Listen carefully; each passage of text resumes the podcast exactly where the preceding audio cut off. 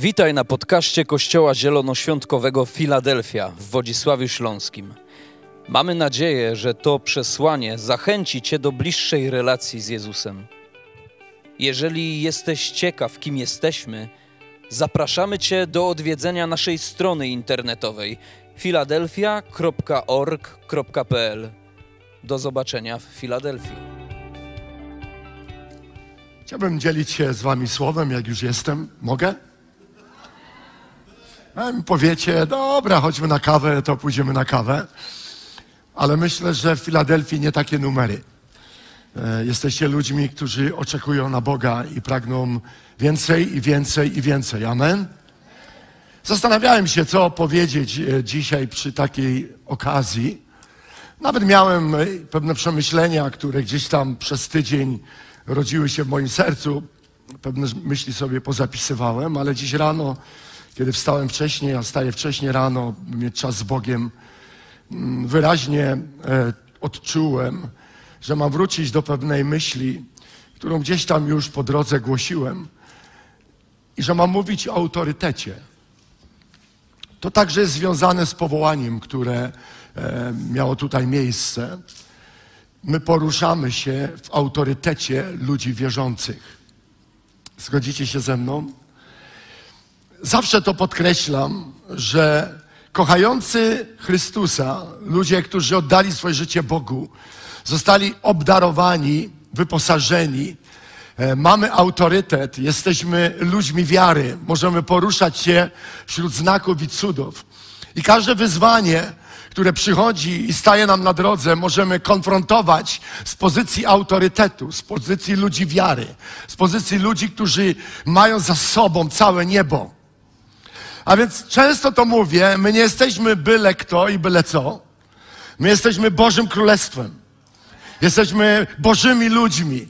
A więc e, konfrontujemy się z wyzwaniami, są trudności, ale zostaliśmy wyposażeni, uzdolnieni do tego, by zmierzyć się z najbardziej plugawym diabłem i dać mu popalić w imieniu Jezusa Chrystusa. Bo mamy autorytet. Dziś chciałbym wziąć Was e, w podróż przez pewien fragment historii, którą bardzo kocham. E, To jest dla mnie jedna z najbardziej pięknych historii Nowego Testamentu. To jest coś, co zawsze porusza moje serce. I wygłosiłem w mojej prawie 40-letniej mm, służbie, tyle już to robię, aż się wierzyć nie chcę. Wiele kazań związanych z tym fragmentem. I powiem Wam, zawsze, kiedy wracam do pewnych myśli, które już analizowałem, przerabiałem, głosiłem z nich, ciągle Bóg daje coś świeżego. Dlatego, że w tym słowie jest świeżość. Jest świeżość. Możesz czytać jeden werset, który znasz na pamięć, chociażby tak i tak Bóg umiłował świat, że Syna swego jednorodzonego dał, aby każdy, kto w Niego uwierzy, nie zginął, ale miał życie wieczne i nagle otrzymuje świeże objawienie. Amen? Nagle coś Bóg świeżego chce Ci powiedzieć. Taką historią, która mnie zawsze porusza, jest historia o zagubionym synu. Historia miłości. I to nie jest telenowela. To nie jest harlekin. To jest rzeczywistość. Bóg tak bardzo nas kocha, Kościele. Ojciec tak bardzo nas kocha. Kiedy chłopak postanowił poukładać sobie życie sam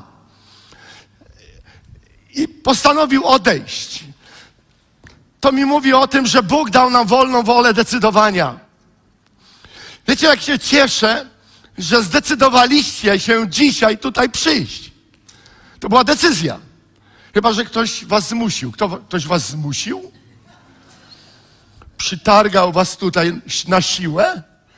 Nie. Zdecydowaliście. Wstaliście rano i powiedzieliście, dzisiaj idę do Filadelfii. To jest mój dzień, to jest dzień Kościoła. Ja chcę tam być, ja chcę Boga wielbić, pragnę oddawać Jemu chwałę i robicie to przepięknie.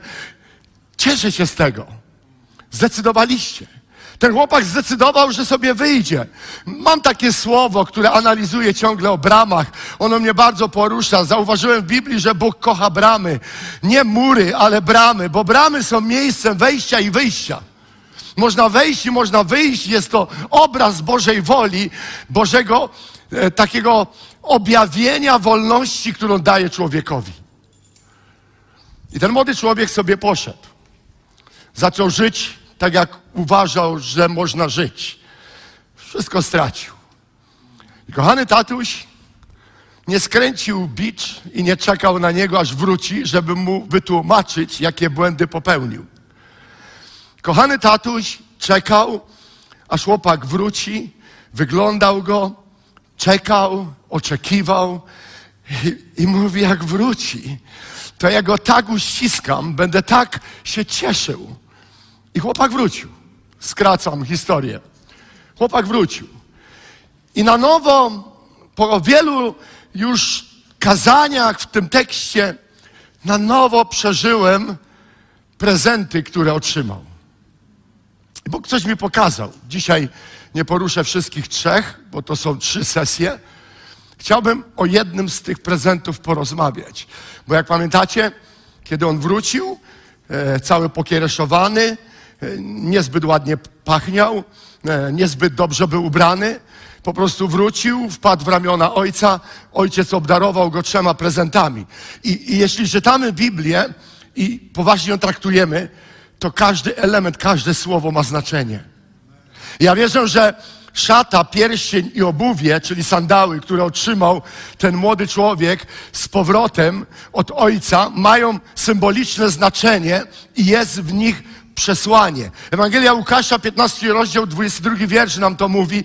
Ojciec zaś rzekł do sług swoich, przynieście szybko najlepszą szatę, nie byle jaką. Ubierzcie go, dajcie też pierścień na jego rękę i sandały na nogi. Chciałbym dzisiaj przybliżyć Wam jeden z tych prezentów. Chciałbym mówić o pierścieniu autorytetu. Bo Bóg obdarował nas autorytetem. Ojciec obdarowuje swoich synów i swoje córki autorytetem. Ten pierścień ma znaczenie. To nie jest jedyne miejsce w Biblii, kiedy czytamy o pierścieniu autorytetu. Tych miejsc jest kilka. Na przykład w pierwszej Mojżeszowej 41-42 czytamy. Potem zdjął faraon pierścień z ręki i włożył go na rękę Józefa. I Józef nagle spełnia swoje marzenia. Nagle wizja, którą miał, sen, który miał, staje się rzeczywistością. A więc faraon zakłada pierścień na jego palec. Kazał go też odziać w szaty z delikatnego płótna i zawiesił łańcuch złoty na jego szyję. Kazał go także obwozić na drugim wozie swoim, a, a wokoło przed nim wołano na kolana. Tak ustanowił go namiestnikiem całej ziemi egipskiej. A więc włożył na jego palec pierścień autorytetu. Józef nagle ma autorytet. Czytamy w księdze Estery 8:8. Kolejny fragment, tylko chcę wprowadzić, abyśmy wiedzieli, że ten symbol pierścienia jest wymieniony w kilku miejscach. Wy sami zaś wydajcie teraz w imieniu króla dekret pomyślny dla Żydów, jak uznacie to za słuszne. I opieczętujcie go pierścieniem z pieczęcią królewską, aby był uwolniony autorytet, aby było naznaczone to autorytetem króla. I pismo sporządzone w imieniu króla, opatrzone pieczęcią królewską, nie może być odwołane przez nikogo. A więc mówimy o autorytecie. Autorytet, co to jest? Autorytet to przywództwo, pozycja społeczna. Autorytet to otrzymanie mandatu zaufania, nadanego przez kogoś, kogo ktoś reprezentuje. To jest autorytet. Autorytet to także dobry wpływ. Jeśli mówimy o duchowym autorytecie, to definicje brzmią tak. To duchowa moc, to władza, to charyzma, to zrozumienie tego, co udziela Bóg swoim dzieciom. Nazywamy to także autorytetem ludzi wierzących. Ja to kocham, bo to daje mi bezpieczną pozycję, że zostało mi coś udzielone, dane. Niedaleko nas, na drodze do Czeskiej Republiki, jest granica, jest przejście graniczne blisko Gorzyc. Często tam przejeżdżacie. Ja tam często przejeżdżam, jeżdżąc do Czeskiej Republiki na różne wydarzenia. Kiedyś jechałem samochodem i zobaczyłem kontrolę graniczną. Zobaczyłem panią w mundurze e, kontroli granicznej, która wyszła na drogę i jechał potężny, wielki tir. Ona wyciągnęła tylko rękę. Jak dał po hamulcach, od razu się zatrzymał. Autorytet, prawda? Nadany autorytet. Wyciągnęła tylko rękę. Autorytet nadany, mu, nadany tej kobiecie przez służby graniczne. Na parkingu gość kłóci się z obsługą parkingu, e, gdzie był zakaz parkowania dla osób niepełnosprawnych, a on sobie mówi, tam postawię samochód, bo, bo nie ma miejsc. Podchodzi do niego gość i mówi, nie możesz tu parkować. A mogę, kto mi zabroni? Przecież mogę. Jeden gość, który podszedł, wyciąga legitymację policji i mówi, zobacz, nie możesz. On mówi, tak, przepraszam, już wyjeżdżam. Autorytet, prawda? Autorytet nadany. Pamiętam ewangelizację w Łodzi. Nigdy nie zapomnę. Miałem wykłady na temat darów ducha ponadwyznaniowe. Było tam wielu duchownych e, KK, e, były siostry zakonne, było wielu zieloświątkowców, innych ludzi. I wieczorem była ewangelizacja. I przyszło Boże poruszenie. I Bóg zaczął działać. I nagle mnie natchnęło. Czasami mi, mi tak się dzieje. I mówię, teraz będziemy wołać, Jezus jest królem. Jezus jest królem. I całe zgromadzenie krzyczało: Jezus jest królem, Jezus jest Panem. Później powiedziałem, a teraz wołajmy: Jezus jest moim królem. I ludzie wołali: Jezus jest moim królem, jest moim Panem. A później mnie coś skręciło i mówię: Nie mamy królowej, a oni wszyscy: Nie mamy królowej. Autorytet. Niektórzy się kapnęli, co powiedzieli, co zrobili. Ale kiedy jesteś w autorytecie, wtedy poruszasz się w Bożej władzy i Bożej mocy. I każdy z nas taki autorytet od Ojca otrzymał.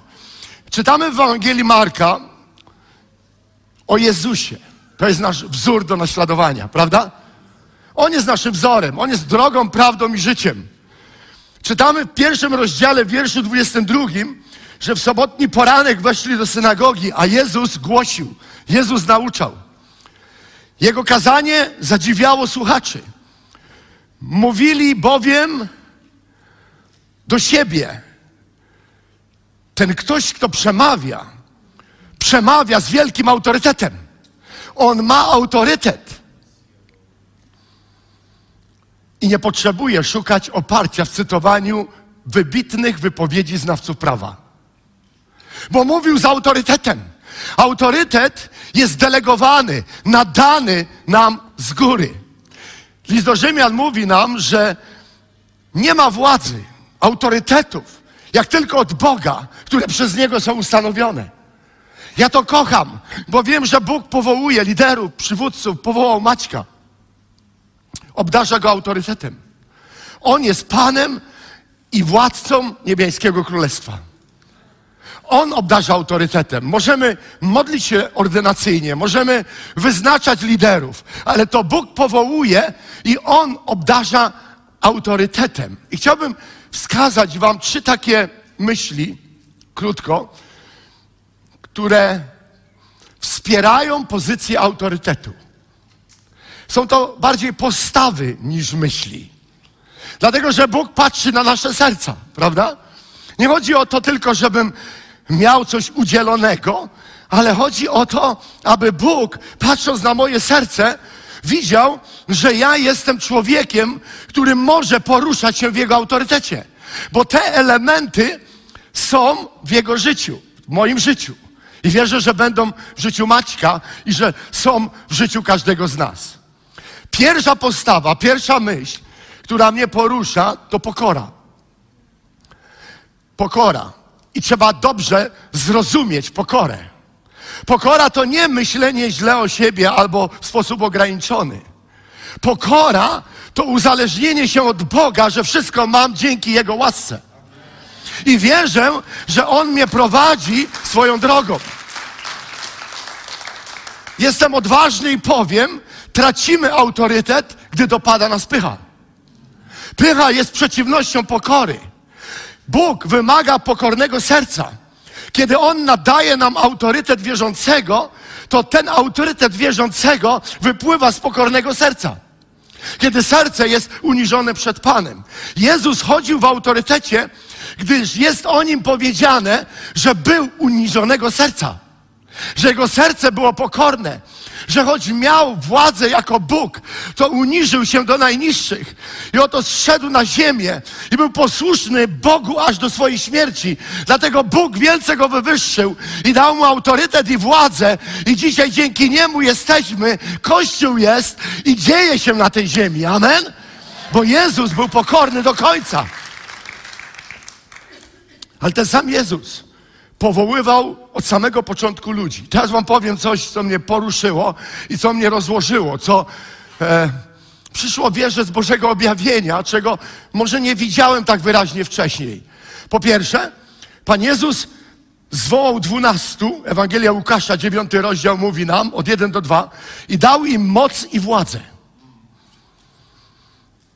aby panowali nad wszelkimi duchami i posłuchajcie, aby leczyli wszystkie ludzkie słabości.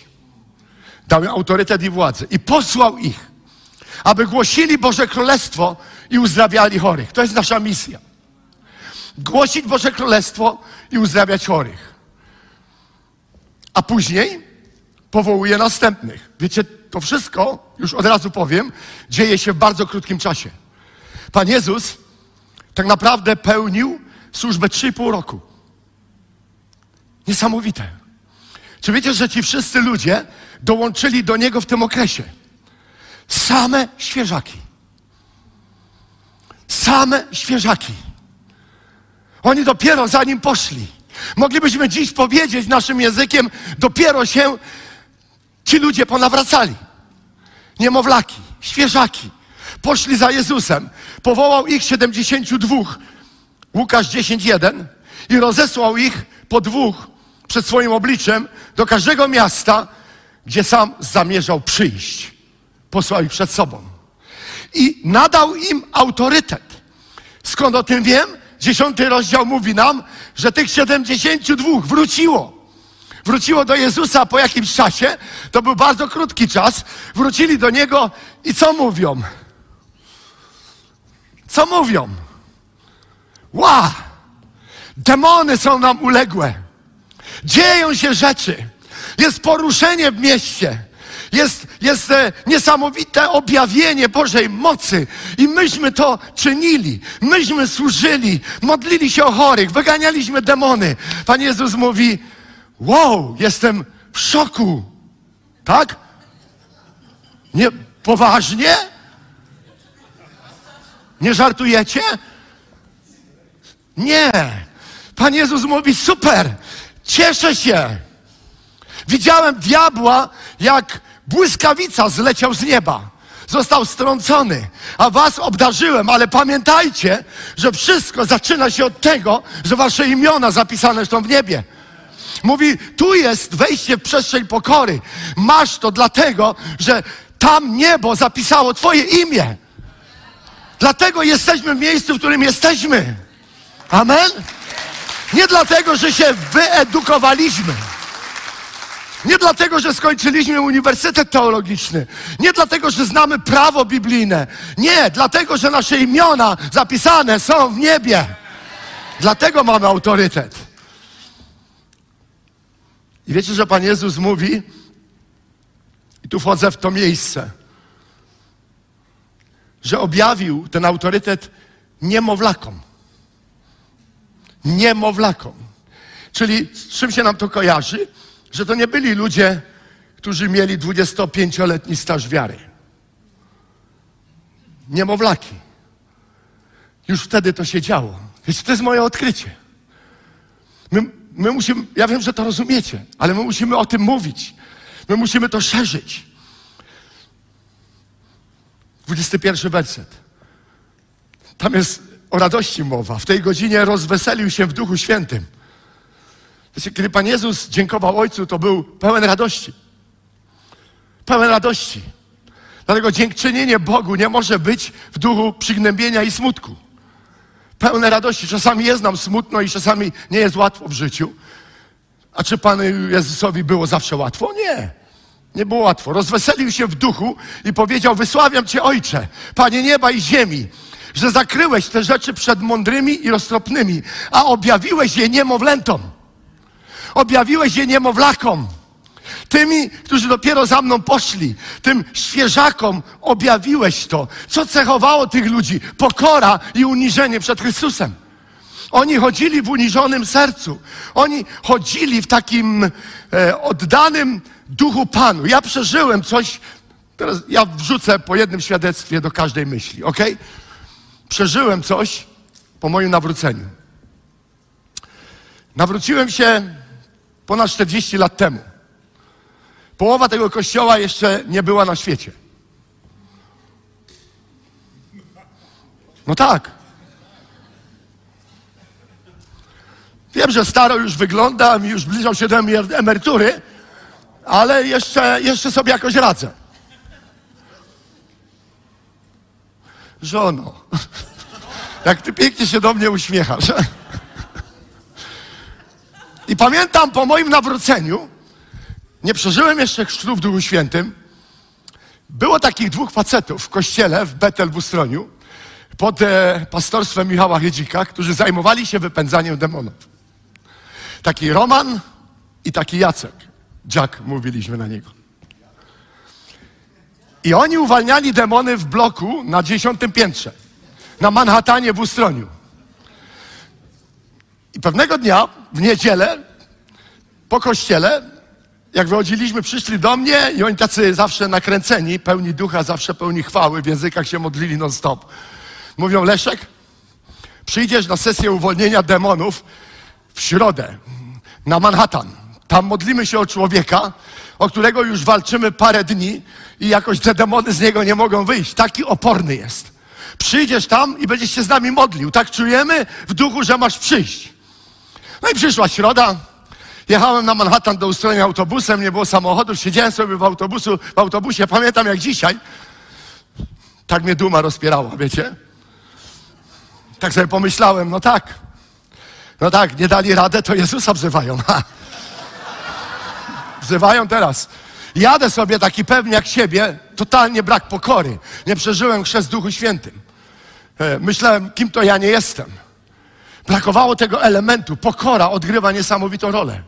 I pamiętam, wchodzę do tego mieszkania, takim odważnym krokiem otwierają się drzwi, a na ziemi leży gość i wyje.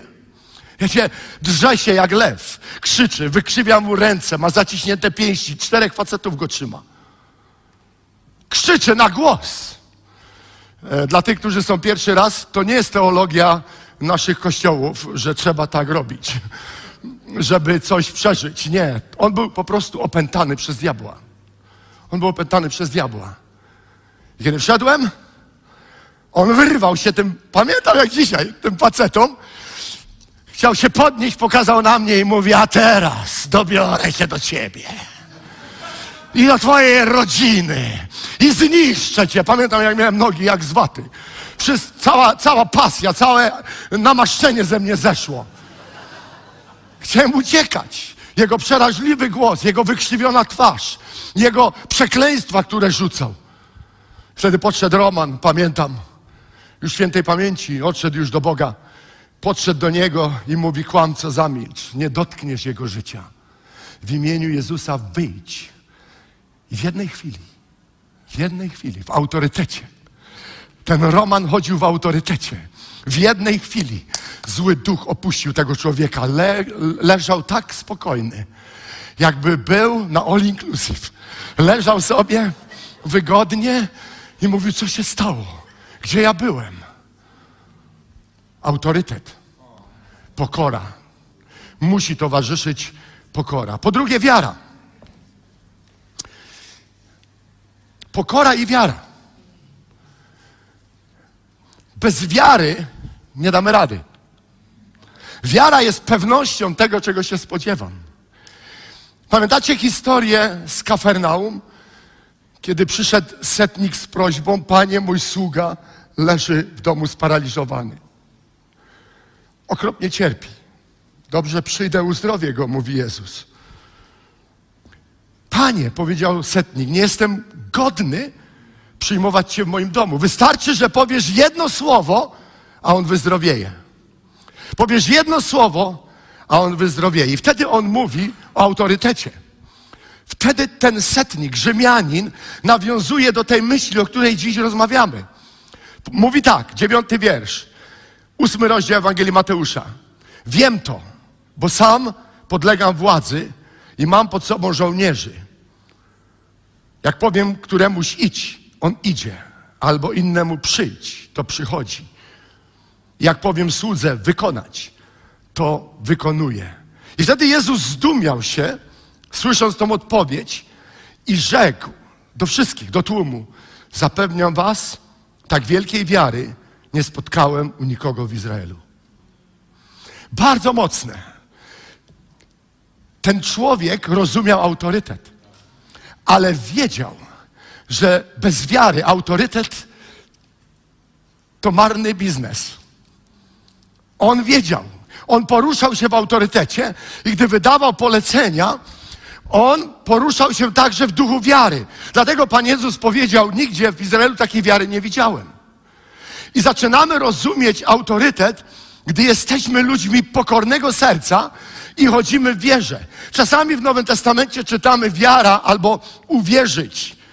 E, w różnych odniesieniach, e, w różnych miejscach brzmi to jakby inaczej, ale to pokrewne słowa pojawiają się w Biblii zastępczo.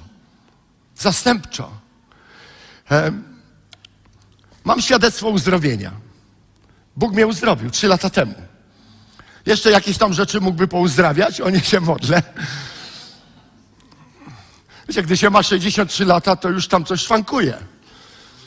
Jak masz samochód, który ma 63 lata, to, to musisz do serwisu pojechać, nie? Coś tam poprawić.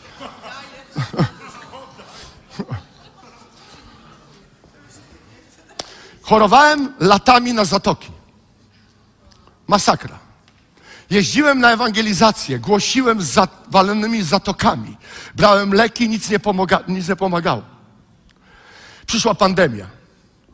Znowu mnie dopadło. Klimatyzacja w samochodzie. Jeździłem do Stanów. Tam chłodzili jak w zamrażarce. W samochodach, w kościołach, wszędzie. W Teksasie. Zawsze chorowałem. Moja żona świadkiem. Kupowałem leki, musiałem czyścić nos, wszystko zapchane. Przyszła pandemia, była wiosna 2020. Pojechałem do mojej, do, do pani, ktoś mi polecił, pani laryngolog, prywatnie w Jastrzębiu. Ona wszystkie wzierniki pooświecała, zajrzała i mówi, panie Leszku, tu jest dramat, potrzebny zabieg natychmiast. Operacja, wszystko zapchane. Proszę przyjść do szpitala. Ja wiem, że jest pandemia, ale na oddział pana weźmiemy. Jak ja to usłyszałem, na oddział w pandemii, to mówię, Boże, ratuj. Ratuj, panie. Pojechałem do tego szpitala, ona mówi, musimy zrobić, e, musimy zrobić e, e, tomograf głowy. Bo to jest tak rozłożone, że ja muszę widzieć, co mam usuwać.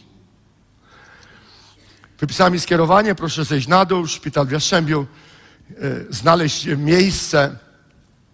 Nie wiem, jak długo to potrwa, bo są kolejki, ale niech się pan tam zarejestruje. Idziemy na kasę chorych, a więc e, po prostu, żeby nie płacić. I poszedłem, idę do okienka, chciałem tomograf głowy, zatoki, mam skierowanie tutaj od pani doktor. Ona mówi, no mamy zapchane, ale chwileczkę, niech pan poczeka, poszukam w kalendarzu. Za dwa tygodnie ktoś mi wypadł. Dwa tygodnie. Cud. Tylko dwa tygodnie na tomograf w szpitalu. Ale to były dwa tygodnie, które Bóg mi dał, aby się z tym poprzez wiarę rozprawić.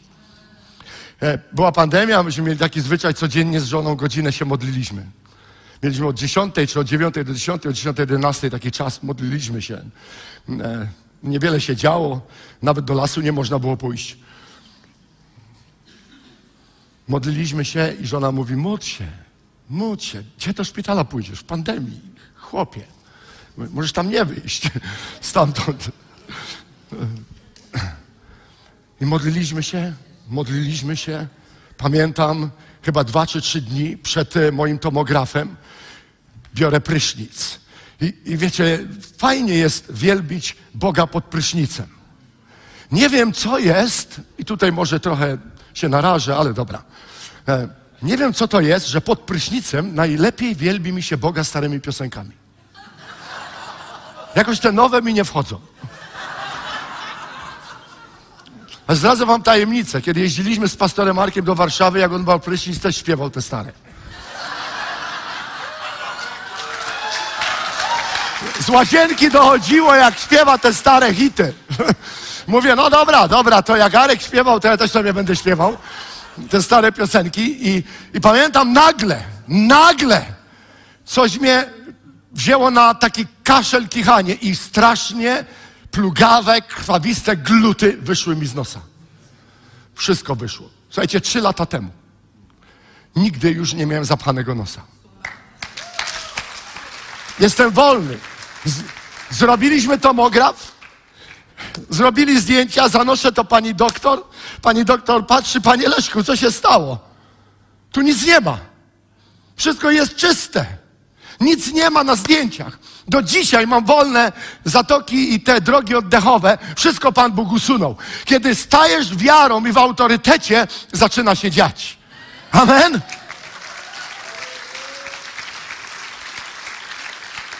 Wiara urzeczywistnia to, w co uwierzyłeś.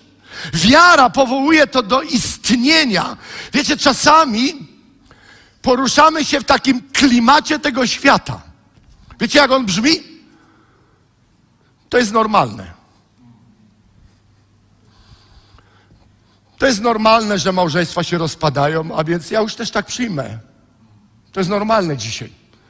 To jest normalne, że ludzie mają infekcje, a więc no widocznie tak już jest i tak musi być.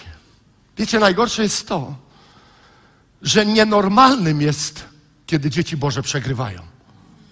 Może to i jest normalne, może tak i jest na tym świecie, ale my jesteśmy z Bożego Królestwa. I rzeczy, które są normalne, możemy unicestwiać tym, co jest ponadnaturalne. Amen? I kiedy poruszamy się w pokorze i wierze, wtedy niszczymy to, co na nas spada i diabeł próbuje nam mówić, że to jest normalne. Wiele nieszczęść spada na sprawiedliwego, ale Pan z każdego daje wyjście. Psalm 34, 20. Pan Jezus powiedział takie słowa. Złodziej przychodzi, aby kraść, niszczyć, zabijać i wytracać. Ale ja przyszedłem, aby miały życie i aby miały je w obfitości. Okej, okay, mówimy amen, super, ale czy zauważacie, jak ważna jest kolejność zapisu? Myśleliście o tym kiedyś? Złodziej przychodzi kraść, niszczyć, ale ja przyszedłem, aby dać życie. Wiecie, dziwnie by to brzmiało, kiedy Jezus by powiedział: Ja przyszedłem dać życie w obfitości, ale diabeł przychodzi i to niszczy. Dramat. Można się załamać. To tak jak z wyjazdem na wakacje. Jedziesz na wczasy i mówisz: Jadę na wakacje, ale złodzieje chodzą i kradną i niszczą. Prawda? I można wpaść w taką nostalgię, no tak, jadę na wakacje, ale mnie okradną. Nie. Możemy mówić, złodzieje kradną, niszczą, ale ja jadę na wakacje, bo mój Pan jest ze mną. I wierzę, że On chroni mnie i zabezpiecza każdego dnia. Ta kolejność jest ważna. Kolejność myślenia, przekazu i wypowiadanych słów.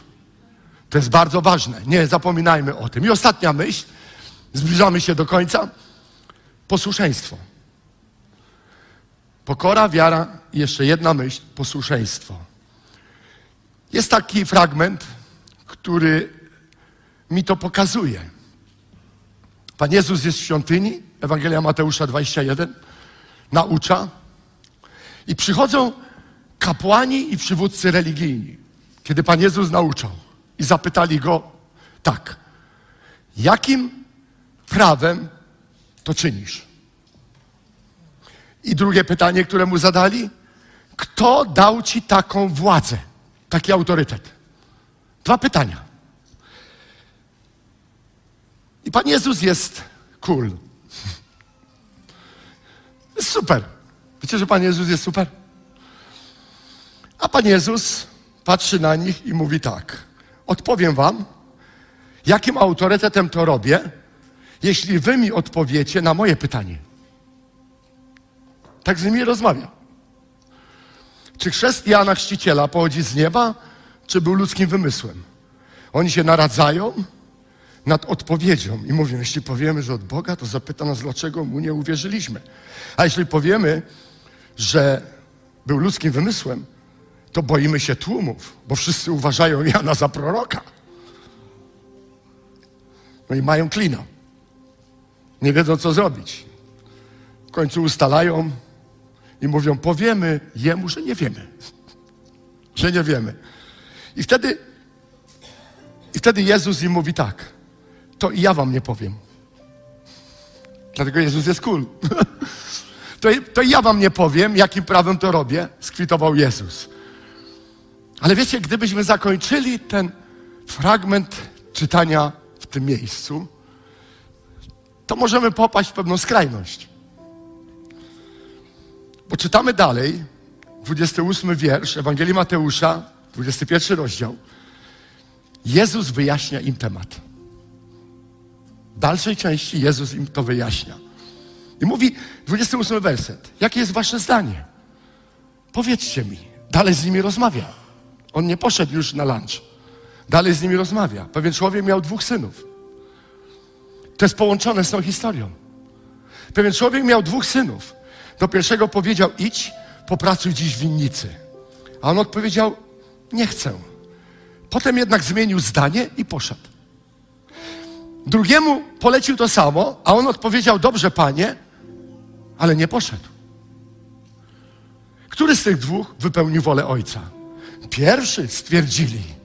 A Jezus na to zapewniam was, celnicy i prostytutki wyprzedzają was na drodze do Królestwa Bożego.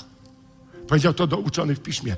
On wykorzystał ten moment, aby pouczyć ich, aby im wskazać. Taki jest Jezus. I mówi o posłuszeństwie. Ci drudzy powiedzieli, no nie bardzo, mamy swoje życie, mamy wiele spraw na głowie, ale przemyśleli temat i zmienili zdanie i poszli w posłuszeństwie. I Pan Jezus na nich wskazuje i ci właśnie otrzymali autorytet. Ci właśnie chodzili i widzieli nadprzyrodzone rzeczy. To oni widzieli, jak szatan spadł z nieba niby jak błyskawica. To oni doświadczyli tego wielkiego wow i wrócili do Jezusa i mówili, Panie, to byli ci, którzy się nawrócili pod wpływem Chrystusa w tym momencie, a niektórzy z nich mieli straszną przeszłość i nie mieli wielkiego stażu wiary, ale byli posłuszni. Pokora, wiara i posłuszeństwo idą jak trójca święta razem ze sobą, aby poruszać się w autorytecie. Moje pytanie na dziś rano brzmi tak. Czy może są jakieś przeszkody w Twoim życiu? Ja nie wiem. Nie znam Was. Ale kiedy przychodzą momenty, w których trzeba stanąć w autorytecie, może widzisz coś, co trzeba by było zmienić. Może brak tam pokory, jesteś zbyt pewny siebie. Już nie określam tego, że jesteś pyszny. Czasami możemy być zbyt pewni siebie, tak jak ja w tym autobusie, jadąc na sesję uwolnienia. To zawodzi. Nic nie ma mnie, prócz tego, co mam dzięki niemu. Wszystko mamy dzięki łasce. Czy poruszam się w wierze? Czy czasami uznaję rzeczy jako coś naturalnego, coś normalnego? Po prostu się to dzieje i widocznie tak ma być. Nie zgadzajmy się z tym. My poruszamy się w sferze ponadnaturalnej. Poruszamy się w Bożej mocy. Przez wiarę ruszamy góry. Amen? Mówimy do gór i deklarujemy nad nimi, aby wrzuciły się w morze. Możemy to czynić. Możemy to robić. Bóg jest wielki i używa nas, używa Ciebie i mnie. Czy jestem Mu posłuszny?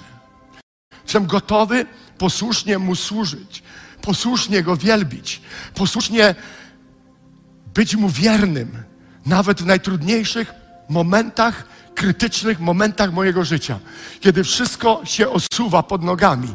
Czy jestem gotowy być Mu dalej posłuszny i powiedzieć, Boże, będę służył Tobie, bez względu na to, co się stanie. Czy jestem tak jak Job, który stracił wszystko i w pewnym momencie jest w miejscu krytycznym. Już nie ma rodziny, już nie ma zdrowia, już nie ma majątku.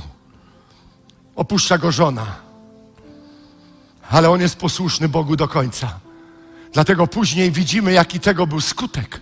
Jak Bóg przywrócił mu wszystko, co utracił. Co on mówi? Pierwszy rozdział Księgi Joba. Pan dał, Pan wziął. Niech będzie błogosławione Jego imię. I oddał Bogu chwałę. Czy jestem mu posłuszny? Także w takich momentach mojego życia. Czy łatwiej mi być posłusznym wtedy, kiedy tak dobrze i tak ładnie się wszystko w życiu układa? Bóg chce, abym poruszał się w pokorze, w wierze i w posłuszeństwie. Chcielibyśmy powstać Kościele. Poproszę muzyków na scenę i pomodlimy się. Później oddam głos pastorowi i zakończymy nasz czas, ale miejmy parę minut jeszcze. Ja wiem, że dochodzi już trzynasta. Nie jestem zwolennikiem przeciągania, ale jeśli potrzebujesz modlitwy dzisiaj, Bóg mówi do Twojego serca. Nie będziemy tutaj robić e, dochodzenia, który z tych elementów potrzebuje naprawy. Może potrzebujesz, aby Bóg dotknął Twojego serca, by było pokorne przed Bogiem, może posłuszne, może dzisiaj chcesz powiedzieć, za bardzo się zgadzam z okolicznościami, brak mi tej postawy wiary. Stań dziś przed Bogiem i powiedz, Boże, chcę poruszać się w Twoim autorytecie, chcę chodzić w Twojej mocy. Jestem Twoim sługą. Może mam niewiele lat stażu wiary, ale Ty tych niemowlaków, świeżaków powołałeś, wyposażyłeś i posłałeś. Poślij także mnie. Chcesz się pomodlić? Podnieś swoją rękę, jeśli potrzebujesz takiej modlitwy. Gdziekolwiek stoisz i jesteś. Zaśpiewamy. Wszyscy, którzy podnieśli swoje ręce, chciałbym Was tutaj poprosić do przodu. Chciałbym, abyśmy razem stanęli. Staną też liderzy kościoła z Wami. Zapraszam, podejdźcie, nie krępujcie się. Przybiegnijcie szybko, aby nie tracić czasu. Powiedz, że potrzebujesz dzisiaj, aby Duch Święty dotknął mojego serca, Twojego serca, naszych serc. Chcemy stanąć z Wami. Nikt Was tutaj nie osądza, nikt Was nie potępia. Nigdy nie będzie pytał, o co chodzi w Twoim życiu. To nie ma znaczenia. Bóg wie. Bóg wie.